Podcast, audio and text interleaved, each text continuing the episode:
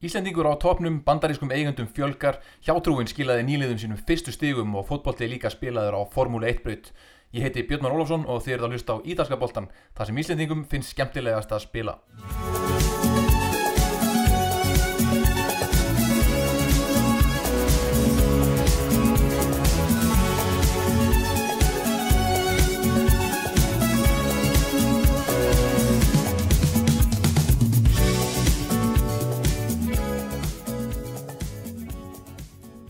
Komið þessum upp blessuð og sæl og verið hjertalega velkomin í þáttun Ítalski boltinn, þar sem Íslendingum finnst skemmtilegast að spila. Það er spilað þétt í aðildinni þessa dagana, fössudagurinn í dag er eini dagur vikunar þar sem er engin leikur á dagskrá í serju A. Þessi þáttur er í bóði Origo. Já, það er rétt fyrirtækið sem selur umhverfisvænu tölvuskjáuna sem að vernda augun gegn skjáþreitu og augþurki. Og það er eitthvað sem ég kann, svonur auglæknis, þá er það hvað skjáþreita og augþurkur er hættulegt. Passið upp á það, kaupið þið tölvuskjána sem vernda augun ykkar. Og ef þú ert að sjá um jólagjafir fyrir fyrirtækið þitt, kíktu þá á origo.is og fáðu hugmyndir að mögnuðum jólagjöfum fyrir starfsfólkið þitt. Það skiptir máli að velja umhverfisvænt. Við ætlum að byrja þennan þátt á léttum fréttum frá serju A áðurinn fyrir yfir leiki liðina vikum, aðeins í Íslandingadeildina, serju B og kvennaboltan áðurinn ég fyrir yfir komandi helgi þar sem er meðal annars á dagskrá Derby della Capitale á sunnudagskvöldið að milli Lazio og Roma. En við skulum byrja þetta á léttum fréttum frá Ítalju. Það er enn að bætast við bandarískir eigendur á klúpum á Ítalju. Nú var bandarískur sjóður með nafnið 777 Partners frá Miami að kaupa knaspinu félagið Genoa Cricket and Football Club. Félagið er elsta knaspinu félag Ítalju, stopnað af breskum sjóliðum. Það kemur nafnið Cricket and Football Club. Þetta lið hefur verið í eigu servitringsins Enzo Preciosi frá árunnu 2003 maður sem er mjög litríkur karakter á stóra leikvangakeðju sem hefur hagnast vel á en hann hefur ekki átt efna á að spýta pening inn í félagið í mörg ár. Og það er tíminn til komin að hann selji þetta félag. Þá hefur hann einni verið viðlóðandi frekar vafasama viðskiptahætti og fyrir nokkrum árum síðan þá vann félagið serju B en í stað þess að fá keppnisrétt í serju A þá var liðið dæmt aftur niður um deilt fyrir að hafa mútað leikmönum í öðru liði til að tapa sínum leik. Hann verður missir að þessum litríka karakter en hann mun áfram með að sæti í stjórn félagsins Nú eftir þessi kaup þá eru uh, alls hvað, sjö félög sem eiga bandariska eigendur bara í serju A. Það er Roma, Milan, Fiorentina, Spezia, Bologna, Venezia og sá síðan uh, Genoa, sjöfunda félagið og síðan er fullt af félögum um þetta í B-deldinni. Nú uh, aðeins leiðilegri fréttir, Ítalska knastbundursambandið hefur verið að rannsaka tvö mál sem var það rasisma frá stuðnismönnum gegn leikmönnum í deildinni. Annars vegar er það stuðnismöður Juventus sem var með nýð gegn eh, Mike Magnan, markverði AC Milan í leikleðana. Eh, það hefur tekist að finna út eh, hver það er og hann hefur verið úrskurðaður í æðurland bann frá leikjum Juventus og hann var hendt öfugum út úr stuðnismönnaklubnum sem hann var meðlemur í og svo var að rannsaka tvö önnur mál sem var það stuðnismenn Lazio líka í leik gegn AC Milan en það mál er ennþá í rannsókn. Svona annars Annars eh, fína byrjun á ítalska boltanum þetta árið, eh, mikið spenni í deildinni en við vorum að þessi mál verið upplýst og þessum ógifum verið bara hendt öfugum út. En frá að þið heyrðuði mér síðast þá hafa verið spilað tvær umferðir í deildinni þannig að það er ekki setna verðin en að byrja að fara yfir þessa leiki og þetta hóst allt síðasta förstu dag þegar Sassuolo fekk Torino í heimsókn. Sassuolo uh, ráku success þjálfvara sinn Roberto De Zerbi, ég letu hann fara hann fór til Shakhtar tóku inn í staðin uh, þjálfara frá Empoli, maður sem kom Empoli upp um dild uh, Dionisi, Alessio Dionisi og honum gengur ekkert með þetta Sassuolo lið liðið tapaði 0-1 á heimavelli og er núna aðeins með 1 sigur í fyrstu 5 leikjunum og þetta er ekki nógu góð byrjun og sérstaklega sóknarlega. Sassuolo er auðvitað með þrjá sóknarmenn úr ítalska A-landsliðinu.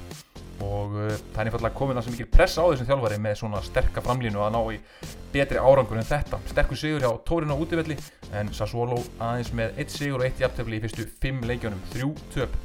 Á lögadaginn mættust Genova og Fiorentina og það er Dusan Vlahovic sem hefur náði fyrirsagnar í uppafið tímabils hjá Fiorentina en uh, í þessum leik þá var hann ekki í bilstjórasætinu heldur Riccardo Saponara Þessi er að gamla talent, maður sem átt að verða næsti besti leikmaður Ítæju. Það keftu til AC Milan á sínum tíma, áður en ferillin já, fór vægasætt niður af við. Hann er núna hjá Fiorentina og hann á með mark og assist í þessum 2-1 eh, útisegri Fiorentina á Genoa á lögadaginn. Nú, stórileikur lögadagsins var auðvitað Inter Bologna. Uh, það er eitthvað mikið að því að Bologna þegar Inter vann þennan leik 6-1 er gjössanlega völduð yfir Bologna.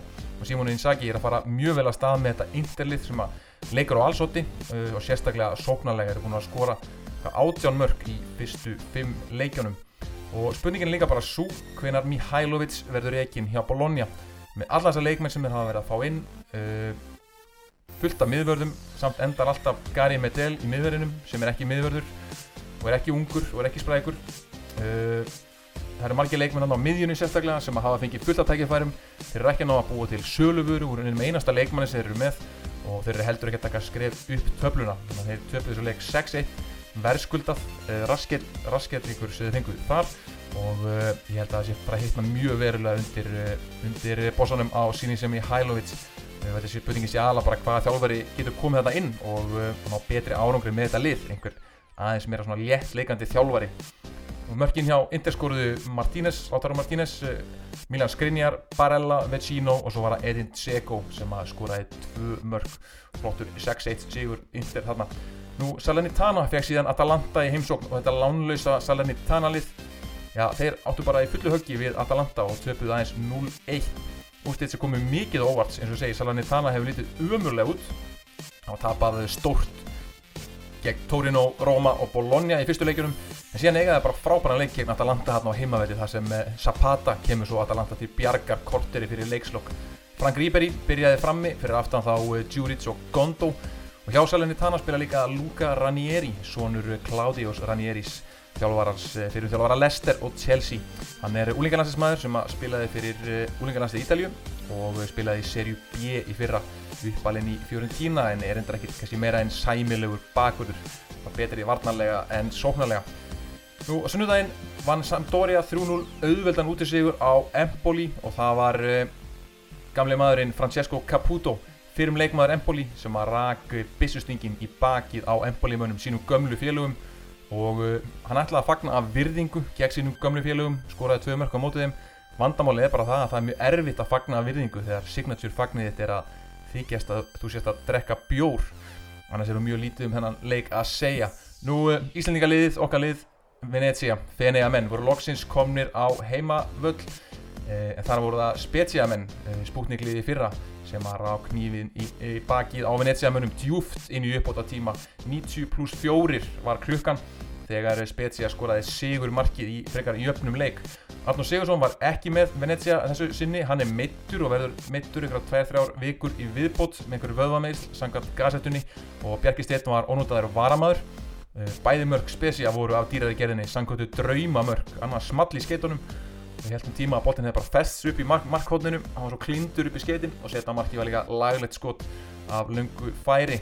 Eh, Þetta er ekki tapið sem að Venezia menn vildu fá í sínum fyrsta heimaleik á Stadio Pierluigi Penso sem að skartaði sínu fegusta á þessum fallega sunnudegi í Fenegjum fallegur völlum með Dolomita fjallgarinn í baksín þar sem við Íslandingar nældum okkur í veiruna skæðu eh, 2020 Tvei sigur hérna út í sigur hjá Spezia og svekkjandi fyrir Venezia menn Nú eh, Lazio fekk síðan Cagliari í heimsók í eh, hörkuleik sem að eh, flökti fram og tilbaka Nú Lazio menn mættu sterkari til leiks ætlaði að hefna fyrir tapið gegn AC Milan og sína að það hafi bara verið mistök og þessi á réttri vegferð með Maurizio Sarriból og komist yfir rétt fyrir háluleik með marki frá Giro Immobile. Allt samkvæmt bókinni þar. En eigarskekjarnir eru Ólsegir og hver annar en Joao Pedro jafnaði leikin í upphafi setni háluleiks aðal markaskorari Cagliari í síðustu 5 ár. Áður en Keita Balde fyrir um leikmaður Inter og Lazio kom Cagliari síðan yfir áður en Lazio sótti án aflóts og það var af lokum uppaldi heimamaðurinn Danilo Cataldi sem að jafnaði leikin fyrir Lazio menn. Leikmaður sem eru um, 26 ára gammal, uppalni Lazio búin að spila þarna í 7 tímabill og alltaf verið varamaður aldrei verið byrjulismadur eða hjá Lazio.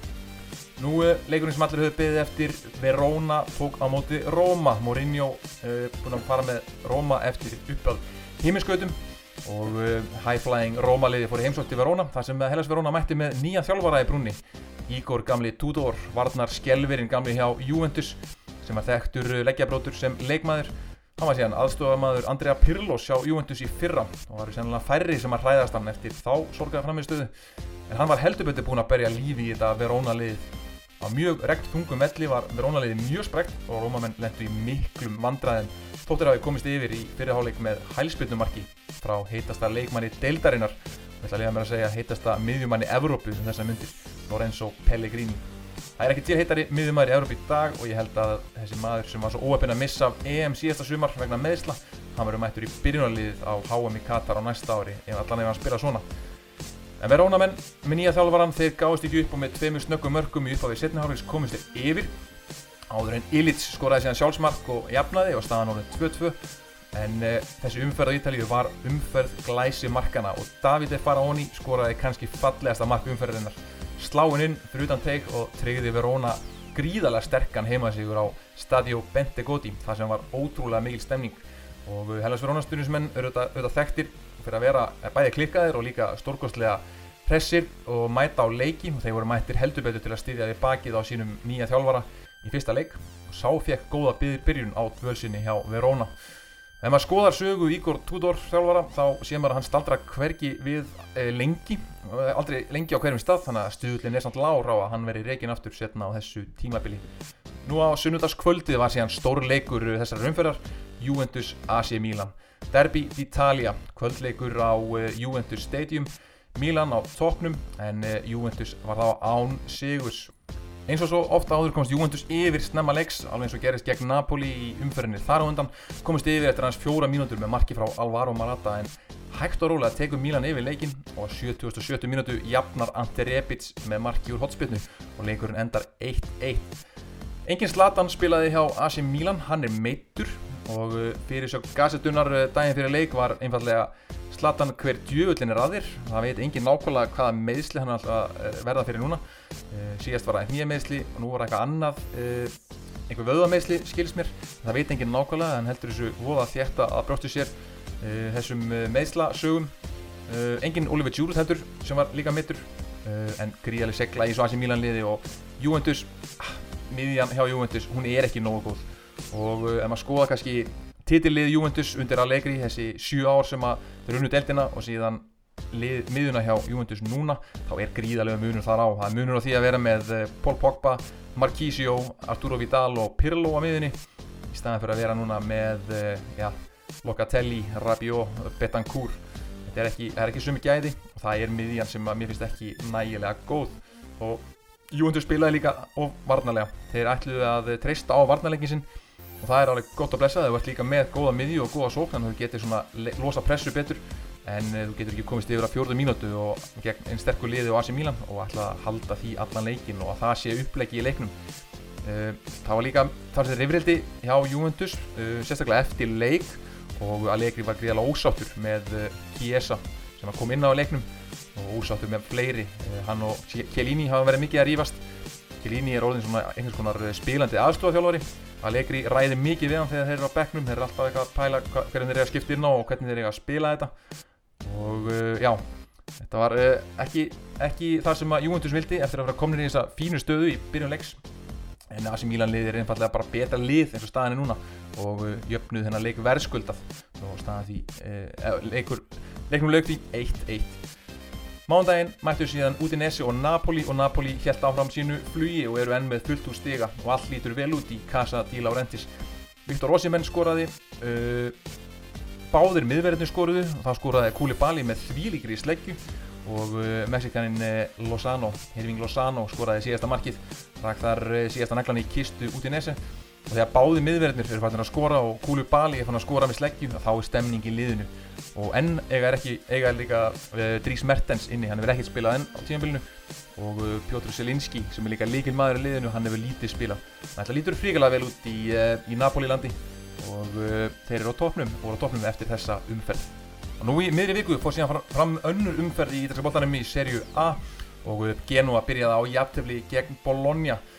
Bologna menn með Mihailovic í brunni ætluði að bæta upp fyrir 6-1 tapið sitt og komist yfir en uh, Domenico Crescito fyrirliði uh, Genoa jafnaði leikin á 90. mínútu uppbóta tíma og vítaspilnu og Mihailovic fekk síðan raukt spjald í kjölfarið. Það var mikið undir í þessu leik, augljóslega. Uh, en það vantar kannski alla karakter í þetta Bologna-lið að ná að sigla þessu heim, þeir eru með miklu betra lið heldur en Genoa, þeir eru með lið sem hefur spilað lengur saman. Genoa er þetta lið sem er bara sett saman rétt fyrir tímabill og eiga að gera betur. Og sérstaklega lið sem er í hendarhug það á að geta klárað Genoa í svona leik nú Atalanta mætti síðan uh, Sassuolo og enn aukast vandamál Sassuolo.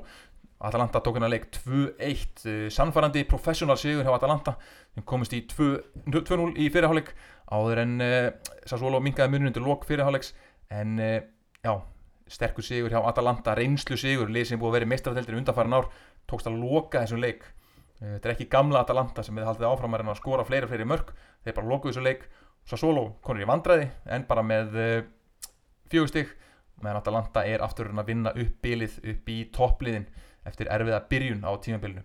En þá komið það skemmtilegasta leik vikunar og það var Fiorentina 1 Inter 3 og það var alvarlega góð stemning á Artemio Franki í vellinum í Flórens eins og ég hef talað um þá er Vincenzo Italiano nýr þjálfari Fiorentina búin að búa til stemningu og gott lið.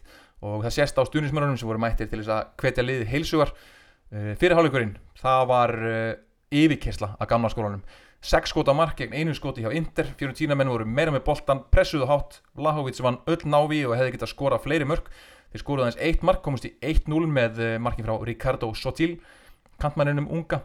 Þeir eru með óhrætt lið og já, í háluleik þá voru menn á Twitter bara búin að tilnefna Vincenzo Italiano sem næsta landslistjálfara Ítalíu. Svo góður voru þeir í fyrirháleik Nú en fókbaltíða leikur að háluleika og reynslu mikið lið Inter mættin í setni háluleikin og snýri dæminu við og það tók aðeins nokkra mínútna kabla, hvað þryggja mínútna kabla það sem að Darmian og Edin Tseko voru búin að snúa tablinu við og Inter komur í 2-1 eftir að hafa ekkert getað í fyrirháleik og uh, síðan síðan þessi líka að Inter er með meiri breytt því að þeir gáttu skipt Darmian út af inn á með hollendingin Dumfries snögga hæri bakur sem við þekkjum frá EM í sumar. Hann kom inn á, á móti, með ferska lappir á móti þreyttu Fiorentina liði og uh, síðan var Inter bara betri í setni hálfleik og kláraði þetta verðskuldað uh, 3-1 að lókum eftir mark frá Ivan Perisic. Eitt sprækjast leikmann í Fiorentina leik síðan reyka sig út af í setni hálfleik. Nico González sem hefur komið mjög sprækur inn í þetta keftur frá uh, Argentínu fyrir tímablið og já, hann var ósóttu með, dómaran, lit hann heyra það, fekk guldspjald tók gamla góða kaltænislega klappið og var þar að leiðandi sendur í sturtu og verður í banni í næsta leik. Þetta var virkilega heimskulut ekki það sem að uh, Italiano vil sjá hjá sínu mönnum í Fiorentina. En sterkur sigur hjá Inter en uh, Fiorentina heldur áfram að vera skemmtilegast að liðið á að horfa í þessu deilt og ég ætla að horfa einhverja leiki þá mæli ég með Fiorentina leikjunum. Það er hátt tempo, alvöru fókbalti spilaðar þar. Og þá erum við komin á miðugudaginn og þar áttust við Salernitana og Hellas Verona og loksins fekk Salernitana sín fyrstu stig í efstu deilt En uh, það var fyrirlegt átveik sem átti sér stað fyrir leik því að þegar dómararnir gengu um völlin á Stadio Areki til að skoða hvort að grasi verið lægi þá sóðu þeir lítinn haug á salti á vellinum. Og þeim fannst það eitthvað skrítið og ætliðu nú að tilkynna um þetta að þetta var kannski búið að vinna einhver skemdaverk á vellinum. Þá komið ljósa að þetta voru hjátrúafullir stuðningsmenn Salernitana sem hefur brotist inn á völlin til að hella salti nýður sem er svona ákveðin, ákveðin hjátrú þá þekkjum við sem að höfum hórt á dömmen dömmur og munum eftir því þegar Harry Dunn þurfti að henda salti yfir aukslinu á sér eftir að hafa sulla niður salti. Uh, og þetta virkaði. Stjórnismenn Salernitana þeir sóttu stig fyrir liðið. Uh, því að the new manager effect hjá uh, Igor Tudor og Verónamönnum þeir mættu beint í hverstagsleikan eftir að hafa sigra Mourinho mættu þeir á útileik á miðugudegi í Salerno komast í 2-0 með tvennu. Dobietta frá Nikola Kalinic króatíska framherjanum sem var reygin heim á HM 2018 og á því ekki í silvumedalíu með króatum hann byrjaði að leggja vel, góðum í 2-0 og það leitt vel út fyrir Hellas Verona. En uh, Salernitana í Salerno við Salernoflóa er alltaf Salernitana í Salerno við Salernoflóa. Cedric Gondo minkaði munin áður en Mamadou Koulibaly sendi Salernitana stjórnismenn til himnaríkis með jöfnunamarki á 77. mínútu. Og fyrstu stig Salernitana komin á töfluna 2-2 jafntefli. Það var maður skrítið og skemmtilegt við þetta Salernitana lið eins og það þessi að spila með Frank Ribery og Nwanko Simi sem er í miklu uppáhaldi hjá undirrituðum. En þeir spila líka með tvo miðjumenn á miðjunni sem að heita það sama. Þeir heita báðir í Koulibaly annar, heitir Mamadou hinn heitir Lasana og það var sem, sem, það var sem sagt hinn fyrnendi sem að skóraði jöfnumarkið þið voru að velta því fyrir ykkur. Og endilega sendið á mig á Twitter að þið munið eftir tveimur leikmönnum í sama liði sem að heita það sama og spila í sömu stöðu eða mynda par. Emil Hallfriðsson spilaði um árið með Hellas Verona sem skartaði miðvaraparinu gamalreinda Rafael Marquez og Rafael Marquez mikið reynsla þar á ferð samanlagt 147 landsleikir hjá Rafael Marquez og Rafael Marquez annað þeirra með 147 og hinn með 0 Nú, uh, Juventus sótti síðan sinn fyrsta sigur í Serie A á miðvíkudaginn á Stadio Alberto Pico í La Spezia eftir að hafa lent undir 2-1. Moise Keane kom Juventus yfir áður en Emanuel Gyasi jafnaði skömmu síðar.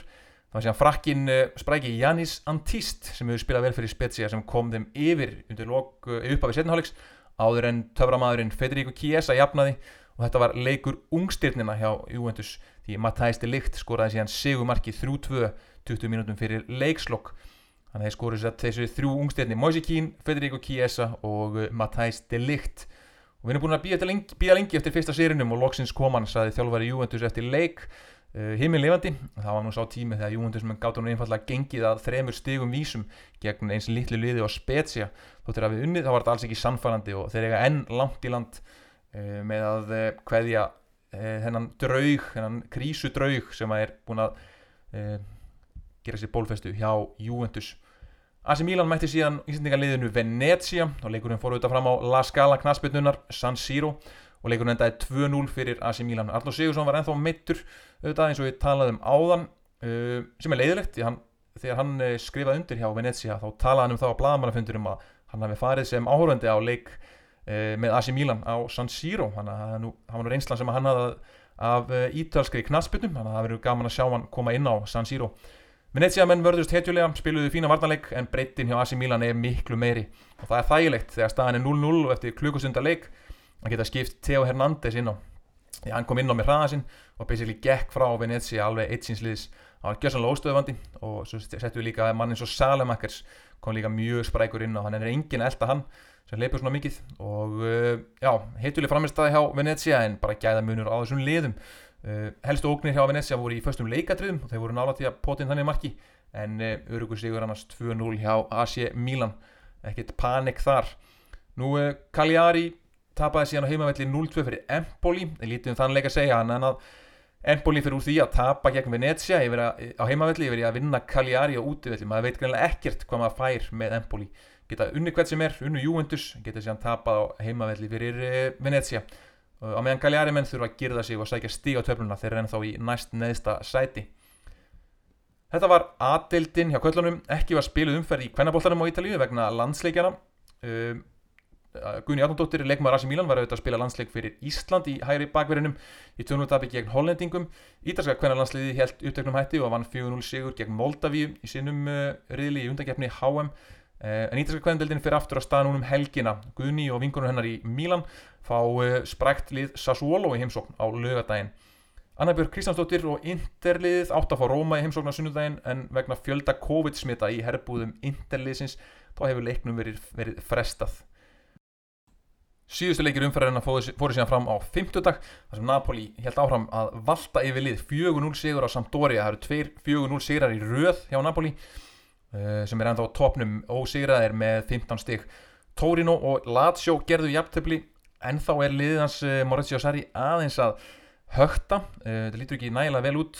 Torino komst yfir en Lazio með náða að jafna með vítaspilnu Ciro Immobile undir logleiks og svo er það Roma sem að tóka móti út í Nese og þegar þetta er tekið upp er staðan 1-0 fyrir Roma. Og lítið eftir henni ég gef mér það að þessi leikur hafi endað 1-0 staðan í deildin er þá þannig að efst eru sístuðnar 7 ef við gefum okkur Atalanta hafi tekið yfir sæti Juventus í uh, sístralæginu 7 Napoli á topnum með eh, fulltu stiga 15 stig, Inter í öðru sæti með 13 stig, Milan, Asi Milan í þrija sæti með 13 stig, Atalanta í uh, eh, fjóra sæti með 10 stig uh, Roma með 9 stig en þá eiga þetta þannig leik inni sem er þá í gangi Fiorentina í sjötta sæti Lazio í sjönda Bologna fylgir síðan í áttunda, Torino níunda Udinese tíunda, Empoli í ellefta og Juventus allavega niður í 12. sæti með 5 stig er nú, er nú komin með 4 eh, stig þá í síðustu tveimur leikum og er núna að fara að eh, hefja eftirföruna eftir þessum eh, toppliðum þurfum að vinna upp allir þessi 10 stig sem að Napoli eiga á þá hing. Nú þá skulum við kíkja í B-deildina Íslendingadeildina serju B. Og Hjörtur Hermansson og Písa menn er á toppnum í serju B. Um helgina vann sigur á Vicenza 3-1 þar sem Hjörtur spilaði 60 mínútur. Og svo í vikunni vannst toppslagur 2-1 sigur á Berlusconi og félögum í Monza þar sem Hjörtur spilaði allan leikin. Hann har spilað þessi leiki í eh, hæri bakverði í fjöramanna vörn eins og ég hef áður talað um. Og uh, hann er uh, spila frábælega eins og, eins og fyrstu leiki og eftir leik daðraðan við stuðnismenn Písa á Instagram með kveðunni á ítölsku Grande Vittoria Nú, uh, hitt íslendingaliðið Lecce er komið á sigurbraut loksins með tvo sigra í síðustu tveimur leikjunum. Fyrst vannst uh, 3-2 sigur á Alessandriu uh, um helgina og svo í vikunni vann liðið ógnasterkan 3-0 sigur á útivelli á Crotone þar sem Þórir Jóhann Helgason spilaði fyrsta klukkutíman og spilaði vel, ég sá hluta af þeim leik. Þjálfari Lecce er ekkit að hrópla við miðvaraparinu sínu. Hann að Brynjar Ingi hann mun, er, spilaði ekki, hefur ekki spilað hinga til hann fyrir að detti inn í liðið sanniði til. Það er erfitt að taka miðvaraparið út sem að skorar og leggur upp eins og þið gerðu báðir hérna í síðasta leik. Nú Mikael Egil Ellertsson hefur verið í hópi á spal síðustu tvo leiki en hefur ekkert spilað. Fyrir maður neða líka mér í sétdeldina þar sem fýluleikarin violinista Alberto Gilardino stýrir fýlusveitsunni frá Siena og okkar maður Óttar Magnús Karlsson er auðvitað á láni þar. Óttar Magnús spilaði 10 minútur í 0-0 uh, jafntefni Siena gegn Imolese á útivelli á Stadio Romeo Galli í bænum Imola.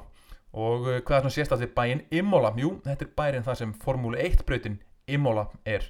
Þessi sögufræga braut sem að lági dvala í nokkur ári í Formúli 1 en er mætt aftur og undanfærin 2 ár hefur aftur verið keft á þessari Imola Formúli 1 braut í, í formúlinni síðast fyrir örfám vikum síðan. Og uh, það má spyrja sig ætli Stadio Romeo Galli sé nálagt þessari formúli 1 brut já, gott betur en það. Völlurinn er staðsettur innan formúli 1 brutarinnar og ekki bara er völlurinn staðsettur innan formúlibrautarinnar þannig að stuðnismenn þurfa að lappa bókstala yfir formúlibrautina þegar þeir mæta völlin heldur er völlurinn staðsettur í Tamburello beginu þessari sögufræðu beigju þar sem markfaldi heimsmyndstarinn í Formule 1 Ayrton Senna lést í áreikstri árið 1994 þannig að það er bókstala ekki hægt að hafa knastbyndu völl á sögufrægari stað heldur en uh, Imola, Imolese knastbyndu félagi spilar á. Eina liði sem gerir tilkallt til þess að spila á sögufrægari stað er auðvitað Crotone sem að byggði völlin sinn ofan á fornminjum. Uh, og þeim var bannað að byggja völl ofan á þessum fornminjum en þeir byggði völlin samt Þetta eru þessi tvö lið sem að kunna staðsetja knaspjörnuvelli. Sjálfur hef ég talað fyrir því að setja nýjan stjórnuvelli í Geldingarhaun í Garðabæin með hvernig mótmælið voru það síðast og menna hlekkja sér við gröfur þá held ég að það sé kannski best að sleppa því. En svo við ljúkum þessu með neðri deildinar, þá er þess að Hjóttur Hemmarsson og Písa í efstasæti í bjödeildinni, Askóli í öðru, Brescia í þriðja, Benevento í fjóruða, Frosinone í fymta sem er umspilsæti, Cremonese í sjötta, Regina í sjöunda, Cittadella áttunda, Perugia í nýjunda og Íslandingalið Lecce í tíunda sæti. Og nú er þetta bara einu stígi frá umspilsæti og uh, þeir eru komin í gang komin með tvo sýra í síðustu þrejum leikjum. Og hitt Íslandingaliði Spal í 11. sæti þar rétt og eftir. Uh, og ennþá í góðum séns ekki glemja því að það eru alls átta lið sem að uh, fara upp eða fara í umspil um það að komast upp. Þannig að það er nóg eftir af tímabilinu Við skulum enda þetta bara að fara yfir leiki komandi helgar. Nú lögadaginn mætast Spezia og AC Milan. Inter mætir Atalanta í stórleik lögadagsins klukkan 16. Genoa Verona klukkan 18.45. Sunnundaginn fáum við svo Juve Sampdoria klukkan 10.30. Geggjað að geta fylgst með kostningavögunni. Vakað, fengið og þegar Bogi og, og Ólafur þakka fyrir sig á sundagsmorgunin. Þá skiptum maður yfir á Juve Sampdoria 10.30. Empoli, Bologna, Sassuolo mætir Salernitana, Udinese, Fiorentina og svo er stórleikur helgarinnar Lazio, Roma á sunnudaginn. Uh, fullt af áhórundum, það er er leifa 50% af uh, kapasitíinu á leikungunum sem þýðir þetta verðum 30-40.000 manns og nú eru fréttir um það að berast frá Ítalíu að þeir eru að fara að opna fyrir alltaf 75% af stundismönnum megi mæta á leiki e, frá og með oktober einhvern tíman þannig að þetta er alltaf koma, alltaf opna aftur líka á Ítalíu. Nú á mánundaginn er síðan e, íslningaleikurinn Venezia Torino e, mánudags kvöldið þá komum við að lókum hjá mér í dag og í tilöfnu þess að bandarísku eigundunum er að fjölga enn á ný þá skulum venda þetta á læginu Tubo Fall Americano. Þú vilt vera bandaríkja maður í flutningi Sofíu Loren að sjálfsögðu. Er þetta aftur í næstu viku, verið í sæl